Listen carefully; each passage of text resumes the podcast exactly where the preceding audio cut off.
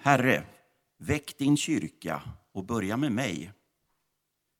Herre, gör din församling levande och börja med mig. Herre, skapa fred över allt på jorden och börja med mig. Herre, skänk din kärlek och sanning till alla människor och börja med mig. Amen. Välkomna att fira gudstjänst söndagen före domsöndagen. Kyrkåret går mot sitt slut och idag är temat vaksamhet och väntan. Vi som medverkar idag det är jag heter Per, Fredrik spelar och sjunger och Simon predikar. Varmt välkomna ska ni vara. Vi ska lyssna till Saltasalmen 139, vers 1 till 18. Herre, du ransakar mig och känner mig. Om jag står eller sitter vet du det. Fast du är långt borta vet du vad jag tänker. Om jag går eller ligger ser du det. Du är förtrogen med allt jag gör. Innan ordet är på min tunga vet du, Herre, allt jag vill säga. Du omger mig på alla sidor. Jag är helt i din hand. Den kunskapen är för djup för mig. Den övergår mitt förstånd. Var skulle jag komma undan din närhet? Var skulle jag, var skulle jag fly för din blick? Stiger jag upp till himlen så finns du där. Lägger jag mig i dödsriket är du också där. Tog jag morgonrådnadens vingar Gick jag till vila ytterst i havet skulle du nå mig även där och gripa mig med din hand. Om jag säger mörker må täcka mig, ljuset omkring mig blir natt, så är inte mörkret mörkt för dig. Natten är, som ljus, natten är ljus som dagen, själva mörkret är ljus. Du skapade mina inälvor du vävde mig i moderlivet. Jag tackar dig för dina mäktiga under, för underligt är allt du gör. Du kände mig alltigenom. Min kropp var inte förborgad för dig när jag formades i det fördolda, när jag flätades samman i jordens djup. Du såg mig innan jag föddes. I din bok var de redan skrivna, de dagar som hade formats innan någon av dem hade grytt. Dina tankar, o Gud, är höga för mig. Väldig är deras mångfald. Jag vill räkna dem, vill jag räkna dem är de fler än sandkornen. Når jag till slutet är jag ännu hos dig.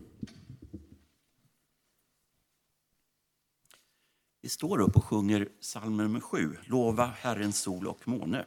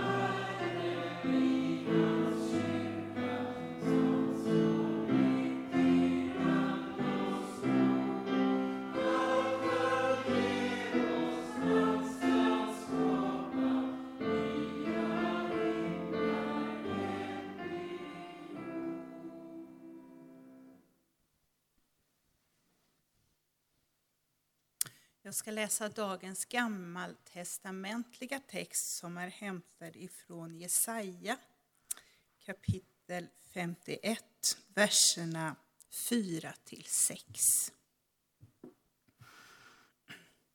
Lyssna på mig, alla folk. Ni folkslag, hör noga på. Från mig ska lagen utgå, min rätt ska bli ett ljus för folken. Snabbt nalkas min rättfärdighet, min hjälp är på väg. Med mäktig arm skipar jag rätt bland folken. Fjärran länder väntar på mig, de sätter sitt hopp till min makt. Lyft blicken mot himlen, betrakta jorden därunder. Himlen ska lösas upp som rök, jorden slitas ut som en klädnad och dess invånare dö som flugor. Men min hjälp varar i evighet. Min rättfärdighet går aldrig om intet.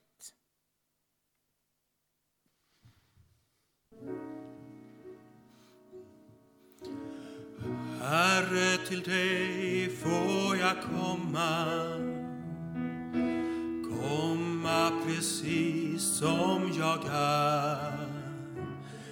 Inför dig kan jag ingenting dölja. Du vet varje tanke jag bär. Men trots att du ser all min svaghet och vet att jag är ett av dina minsta barn får jag komma ändå och jag vet det är så under allt är jag älskad av dig Herre, till dig får jag lämna allt som vill tynga min själ. Du har lovat att bördorna bära. Du lovat att själv vandra med. Din närhet är nog, för jag vet att du dog för att jag skulle leva och ha allt. Varje dag, o jag ber, varje stund du mig ger vill jag vandra den väg du befall. Herre, till dig får jag komma när mina dagar är slut. Jag har hört om en underbar himmel dit många har vandrat förut. Så trygg att få tro att bönernas bro skall bära mig hela vägen hem. Men bäst är ändå att jag vet det är så. Under allt är jag älskad av dig.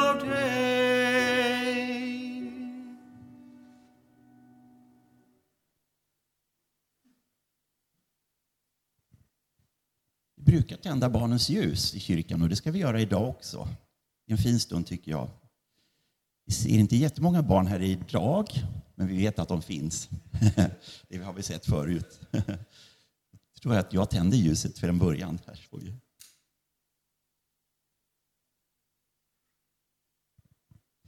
Vi ber en bön för våra barn.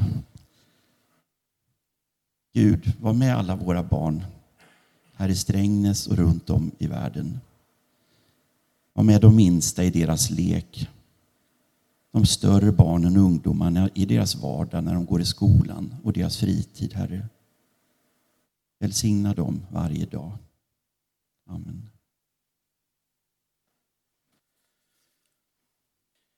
Jag ska lyssna till texten från Andra Korintierbrevet, kapitel 13, vers 5 till 9. Undersök själva om ni har tro. Pröva er själva. Märker ni inte att Kristus Jesus finns hos er? Eller är det så att ni inte består provet? Jag hoppas att ni ska inse att jag för min del har bestått det. Jag ber till Gud att ni inte ska göra något som är ont, inte för att jag ska visa mig hålla måttet, utan för att ni ska göra det som är gott. Sedan får det gärna se ut som jag inte höll måttet. Jag kan inte skada sanningen, bara främja den. Jag glädjer mig när jag själv är svag och ni är starka. Just det ber jag om, att ni ska bli allt mer felfria.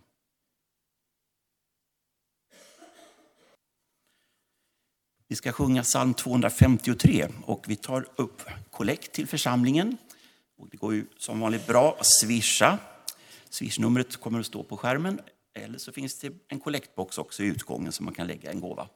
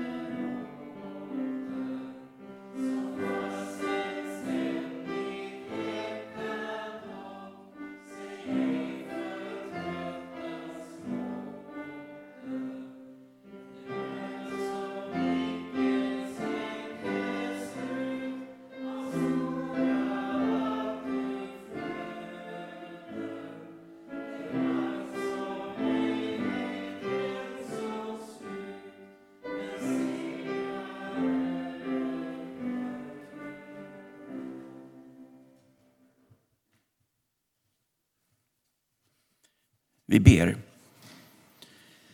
Allt har vi fått av dig, Gud.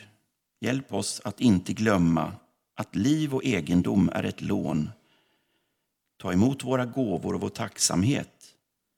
Låt din värld fyllas av rättvisans ande och låt ditt evangelium glädja många. Amen.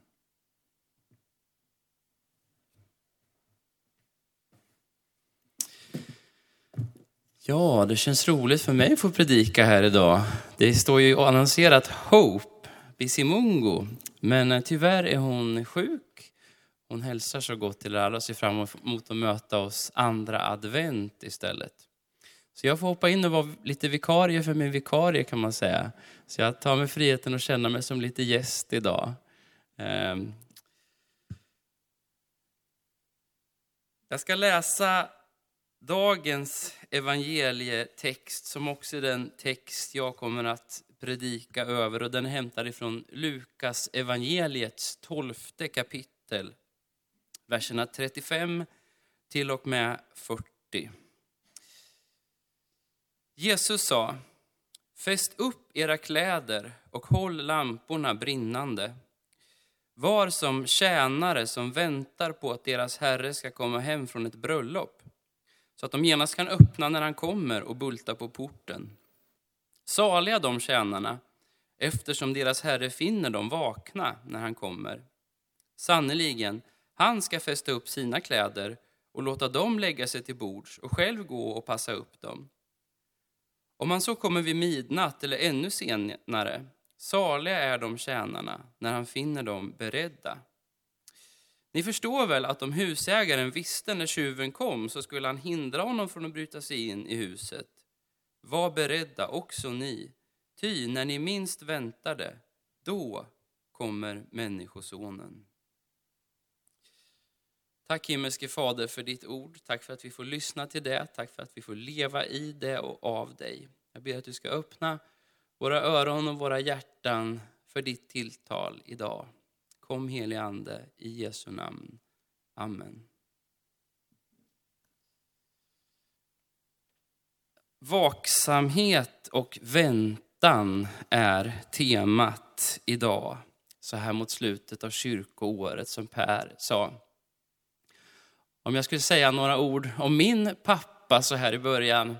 Ja, det är fars dag också, det glömde jag säga, det var det jag skulle komma in på. Det är fars dag, men jag skulle säga några ord om min pappa så här i början av predikan. Så ska jag säga att han hade väldigt många goda egenskaper. Han var mycket bra pappa. Men en av hans goda egenskaper eh, var inte att han var bra på att komma i tid. Han var ofta sen. När man satt i bilen med min pappa så ringde det ofta någon och undrade vart han höll hus.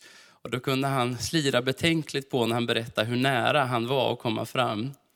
Ehm, och om man är nära anhörig till någon som inte är så bra på att komma i tid, då vet man vad det är att vänta. Att vänta kan vara väldigt olika saker. Det kan ju vara fruktansvärt tråkigt, som när man väntar på julafton, eller att geografilektionen ska ta slut, eller då när man väntar på att en sen förälder ska komma och hämta en från scouterna, eller någonting. Att vänta kan också vara en vånda, som när man väntar på besked ifrån läkaren eller eh, svaret på en jobbig fråga som man har ställt. Väntan kan också vara lugnet före stormen, något man helst inte vill ska hända. Eller så kan det vara den pirriga förväntan på någon man längtar efter eller något man längtar efter. Men väntan är nästan lite utrotningshotad i vår tid. Jag har säkert tänkt på det om ni stått och väntat någon gång. Att det inte är så många som liksom bara väntar. Det slog mig i fredags när jag stod på tågstationen i Eskilstuna. Tåget var fem minuter för sent. Det var inte så mycket med dagens mått mätt. Bredvid mig satt en man i fina kläder. Han hade satt sig liksom skräddare på asfalten och satt med sin iPad i knät och tittade på en film. Han hade liksom börjat fredagsmyset redan där på perrongen. Och till höger om mig stod en kvinna med hörlurar. Hon kanske lyssnade på någon spännande bok eller musik eller någonting. Det blir svårare och svårare att vänta. Eller man behöver i alla fall inte vänta så mycket idag, tack vare ny teknik. Men den här tiden i kyrkans år handlar om väntan på Jesus. Och det gör också den här evangelietexten som vi läst där Jesus vill få sina lärjungar att vara redo genom att ge två stycken bilder, två liknelser. En om en härskare, en, en rik man som kommer hem sent på kvällen efter ett bröllop.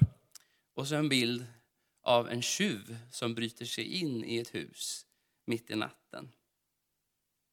Och Jesus säger det här som del i ett längre tal eh, det börjar med att han är på middag hos en farisé i slutet av Lukas 11 kapitel.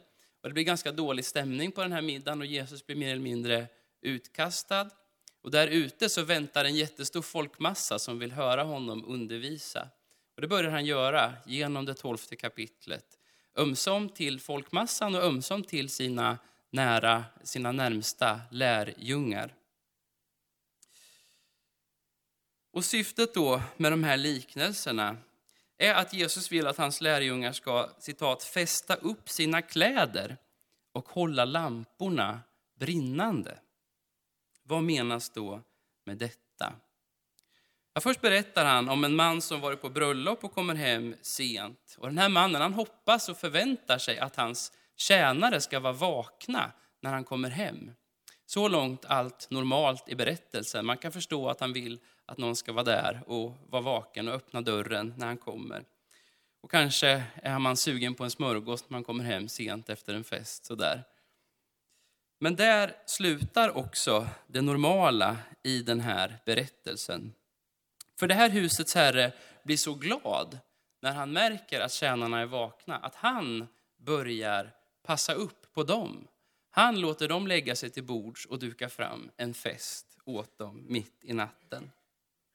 Bilden är ungefär som att kungen och Silvia kommer hem efter Nobelfesten och så blir de så glada att tjänstefolket är vakna så att kungen snörar på sig förklädet och börjar duka fram en festmåltid åt dem där på slottet. Det är en ganska trevlig bild, eller hur? Men så plötsligt så byter Jesus bild radikalt och säger att Människosonen kommer som en tjuv. Oväntat, oanmält, när man minst anar det. Så man inte hinner förbereda sig. In, inte lika trevlig bild. Vilken sorts väntan är det Jesus vill att vi ska ha egentligen? Och vilken sorts väntan bär du och jag just nu på det som vi bekänner i kyrkan? Tron på att Jesus faktiskt ska komma tillbaka till jorden en dag. Bilden av att Jesus kommer som en tjuv används på flera ställen i Nya testamentet, i Andra Petrusbrevet och Uppenbarelseboken till exempel. Och bilden används för att betona att vi inte kommer få veta exakt när i tiden Jesus kommer. Och det kanske kan kännas konstigt, det kan kännas som en trygghet att få veta. Kan vi inte få lite mer eh, ledtrådar, någonting som gör att vi kan veta mellan tummen och pekfingret hur långt det är kvar.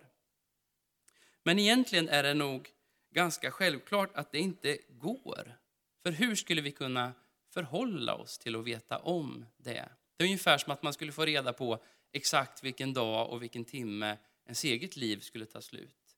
Hur skulle man kunna leva med att ha den liksom nedräkningen som tickar? Tickade? Vad skulle man göra av livet om man visste det? Jag är inte säker på att det skulle kännas tryggare. Och det är inte en sån väntan Jesus vill att vi ska ha på honom. En väntan där vi liksom väntar ut tiden, där vi väntar, bara tittar på när liksom sanden i timglaset ska rinna ut. Jag tänker på vad lärjungarna får höra i Apostlagärningarnas första kapitel när de står på Olivberget och står och tittar upp mot himlen där de nyss sett Jesus försvinna. Då står det plötsligt två män där i vita kläder och frågar dem varför de står och ser upp mot himlen. Andemeningen är att de ska sätta sig i rörelse. Jesus kommer när han kommer, men de kommer inte kunna stå och titta hela tiden och vänta på det sättet. Jesus ville ju att de skulle vara redo, att de skulle ha en aktiv väntan. De skulle fästa upp sina kläder och hålla lamporna brinnande, det vill säga hugga i. Men hur och med vad? En orsak till att vi ibland kanske vill hålla tanken på Jesu återkomst på lite avstånd är nog att undervisningen i kyrkan ibland har liksom fastnat i en överbetoning på de här lite kallare bilderna som den här tjuven om natten till exempel. Men det finns faktiskt många bilder av vad som väntar oss. Dom och rättvisa till exempel, eh, födelse, skörd och så inte minst fest. I Uppenbarelsebokens sista kapitel så får vi bilden av en bröllopsfest mellan lammet, Jesus och hans brud, hans folk. Och det är en förening som leder till att Gud till slut blir allt över allt, allt i alla. Och det är också festen som är bilden i dagens evangelium. En fest där vi som är Jesu tjänare får lägga oss till bords och bli betjänade. Vi får förenas med Jesus i en måltid. I en värld som genom Guds kärlek blivit nyfödd. Bort från det som präglar världen idag. Det som vi hörde i Jesaja texten där. Folk dör som flugor och jorden slits ut som gamla kläder. Till någonting nytt, någonting nyfött. En måltid och ett mål i tiden där Jesus drar en röd linje som eländet inte kommer få kliva över. Det blir en fest eh, där vi alla kommer få ta del av det goda. Inte en fest där vissa är glada och andra ledsna, där vissa står vid väldukade bord och där andra blir utan. Utan en fest för alla.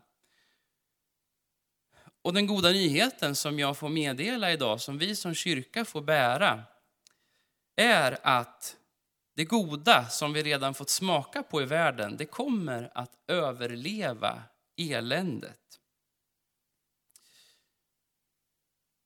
Och lägg märke till att Jesus uppmanar sina efterföljare att göra exakt det som de här tjänarna får se sin herre göra i liknelsen. Fäst upp era kläder, säger Jesus. Det var budskapet, eller hur? Och vad gör husets herre i liknelsen? Jo, han fäster upp sina kläder. Han drar upp sin långa skjorta för att kunna betjäna dem. Så hur vill Jesus att vår aktiva väntan på hans återkomst ska se ut? På den här stora festen som han ska ordna? Jo, han vill att vi ska snöra på oss förkläderna och själva duka till fest. Och märk väl att det är Jesus själv som kommer ge oss den där slutgiltiga festen. Det är inte så att vi har förmågan att ordna den här och nu utan Jesus. Men vi kan få imitera festfixaren Jesus själv och ge oss själva och världen en försmak av den där festen som väntar oss en dag. Och hur ser det ut i praktiken då? Ja, det handlar förstås om, om att efterlikna Jesus i allt som han sa och gjorde. Men om man bara bläddrar tillbaka och läser hela det här kapitlet, Lukas kapitel 12, så får vi några fingervisningar eller ledtrådar, några små byggstenar till hur en sån här Jesusfest kan se ut. Där undervisar Jesus om ett gott liv, men ett liv som ibland inte går i takt med hur världen är ordnad och ser ut idag. Först så uppmanar Jesus sina lärjungar att ha en hög integritet. Eh, han säger att de inte ska agera annorlunda i enrum än vad de gör offentligt. Det finns inget gömt som inte ska komma i dagen och ingenting dolt som inte ska bli känt, säger han. Och sen uppmanar Jesus lärjungarna att inte låta sig skrämmas av de som har makt här i världen. Låt er inte skrämmas av de som kan döda kroppen, men sen inte kan göra mer, säger han.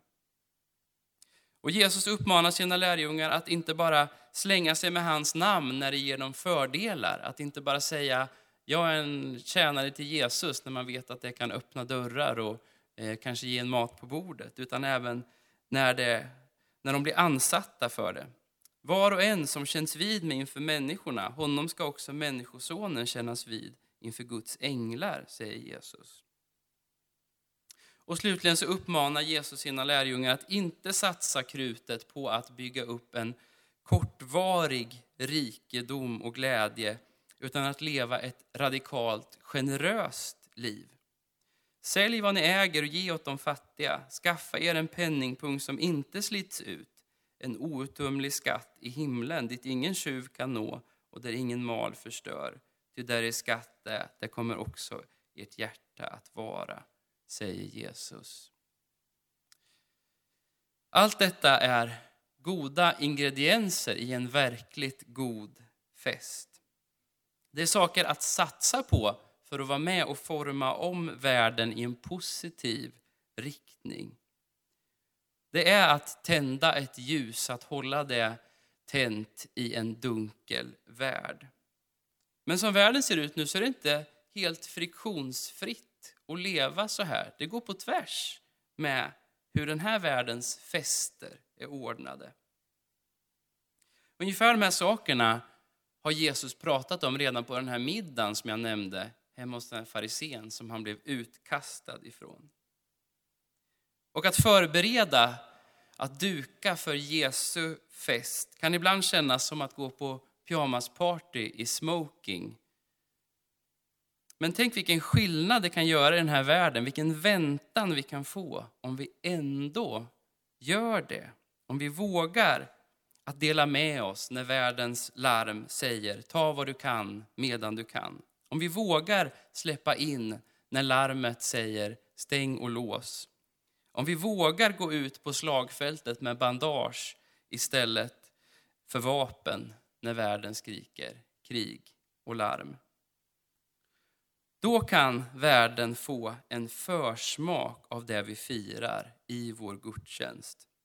Att det bara finns en Herre som älskar oss så otroligt mycket att han valde att offra allting för oss. Och då kan världen få en försmak av det vi firar i nattvarden. Att vi får leva vid ett evigt bord med gåvor som räcker åt alla och som förvandlar till försoning och till enhet genom Jesus. Vilken väntan ska vi ha? Det är frågan för oss att ta med oss idag. Och Vi kan dra slutsatsen av de här texterna att vi får ha en väntan som vi inte behöver vara rädda i. Vi behöver inte vara rädda för vad som komma skall. Vi får ha en väntan som är en längtan efter att få förenas med Jesus och att ondskan ska få ett stopp. Och det är en väntan som är ett hopp. Och allt det där summeras vackert i en bön som vi kan få be för oss själva och för världen ifrån Saltaren 130. Och jag vill avsluta med att be den. Ur djupen ropar jag till dig, Herre. Herre, hör mitt rop. Lyssna när jag bönfaller dig. Om du la synder på minnet, Herre, vem kunde då bestå? Men hos dig finns förlåtelse och därför fruktar man dig. Jag väntar på Herren, jag längtar, jag hoppas få höra hans ord. Jag längtar efter Herren mer än väktarna efter morgonen, än väktarna efter morgonen. Hoppas på Herren Israel, ty hos Herren finns nåd och makten att befria. Han ska befria Israel från alla synder. I Jesu namn. Amen.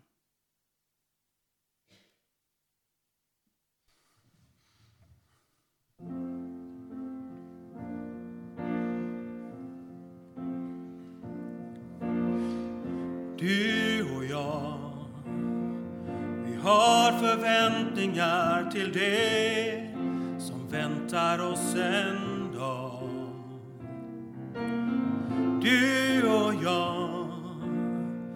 vet att Gud har hållit fast vid allt som han har sagt. Han har gett löftet att vi ska ses igen och vi väntar på den dagen när det sker.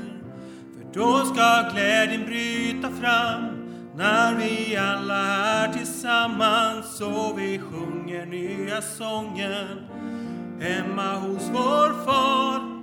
Det bästa utav allt är att vi får möta Jesus. Då ska vi få dela glädjen hemma hos vår far.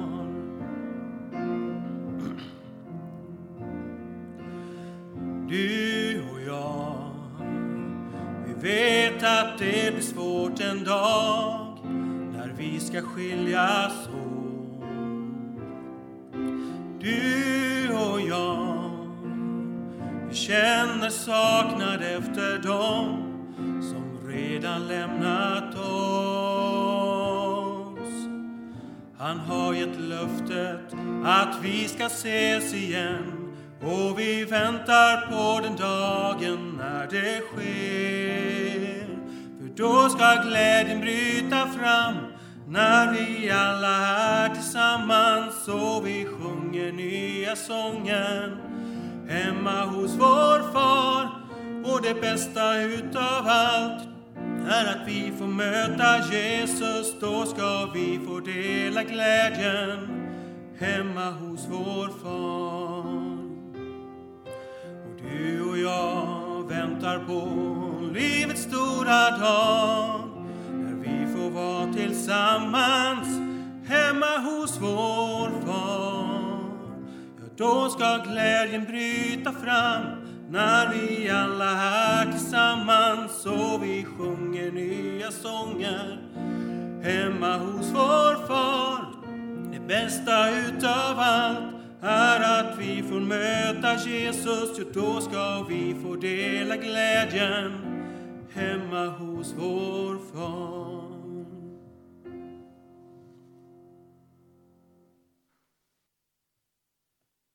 Vi ska ha en stund av bön och stillhet. Och vi får använda ljusbäraren om vi vill gå fram och tända ett ljus. Tänka på någonting, be en bön. kan sitta kvar i bänkraderna också. Stilla sig. Man kan komma fram också om man vill tala högt och be högt här i talarstolen så går det också bra. Herre, tack för den här gudstjänsten, att du är med oss hela tiden. Jag tackar dig Herre för att du är väntans Gud, att du väntar på oss. En del springer fort, en del går lite långsammare för, men du finns där och väntar på oss. Jag tackar dig för det Herre. Kära Herre, tack för att du hör våra böner och tar emot våra förböner om våra vänner och anhöriga och alla vi har tänkt på nu. Herre, välsigna oss som är med här i Olivehällskyrkan och alla vänner som kommer till kyrkan våra grannar och alla som bor här i stan. Välsigna oss, Herre. Vi ber den bönen som Herren själv har lärt oss. Vår Fader, du som är i himlen. Låt ditt namn bli helgat. Låt ditt rike komma. Låt din vilja ske på jorden så som i himlen. Ge oss idag det bröd vi behöver och förlåt oss våra skulder, liksom vi har förlåtit dem som står i skuld till oss. Och utsätt oss inte för prövning, utan rädda oss från det onda. Ditt är riket, din är makten och äran i evighet. Amen.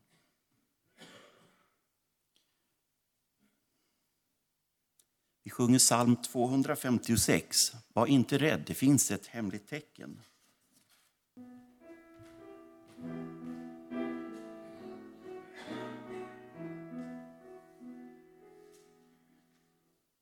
thank mm. you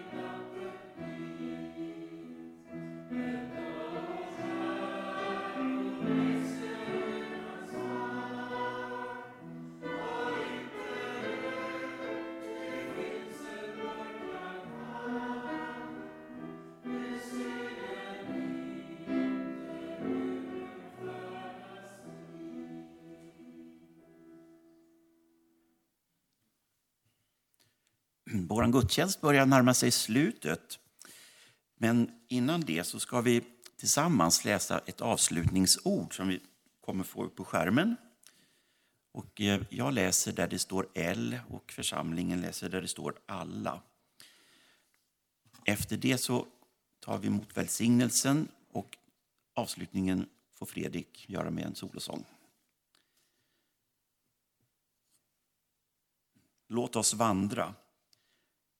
Låt oss vandra med upprättelse till dem som längtar efter befrielse. Låt oss vandra med försoning där våldet härskar. Låt oss vandra med hopp där förtvivlan finns. Låt oss vandra med Gud i vår Herre Jesus Kristi namn.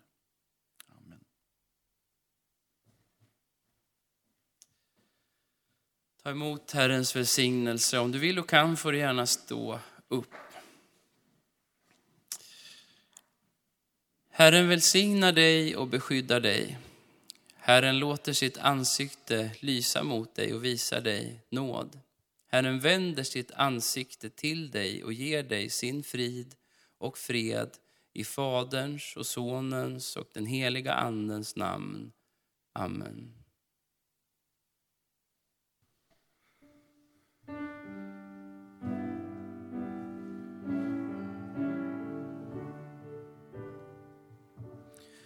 Shine your light, shine your light, shine your light on me, Jesus. Shine your light, shine your light, shine your light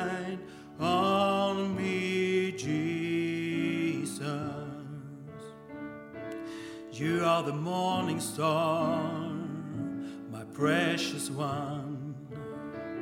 Almighty God, you are. Great things you've done. Through all eternity, I give you praise.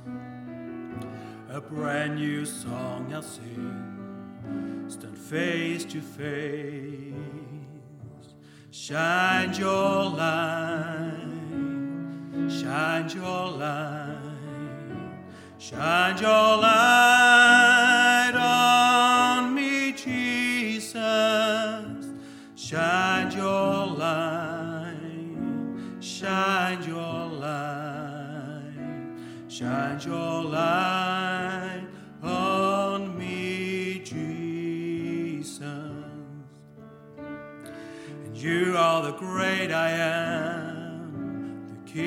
King great rock of ages, my urge to sing. For all eternity, I give you praise. You won the victory. I bless your name. And shine your light, shine your light, shine your light on me, Jesus. Shine your light, shine your light, shine your light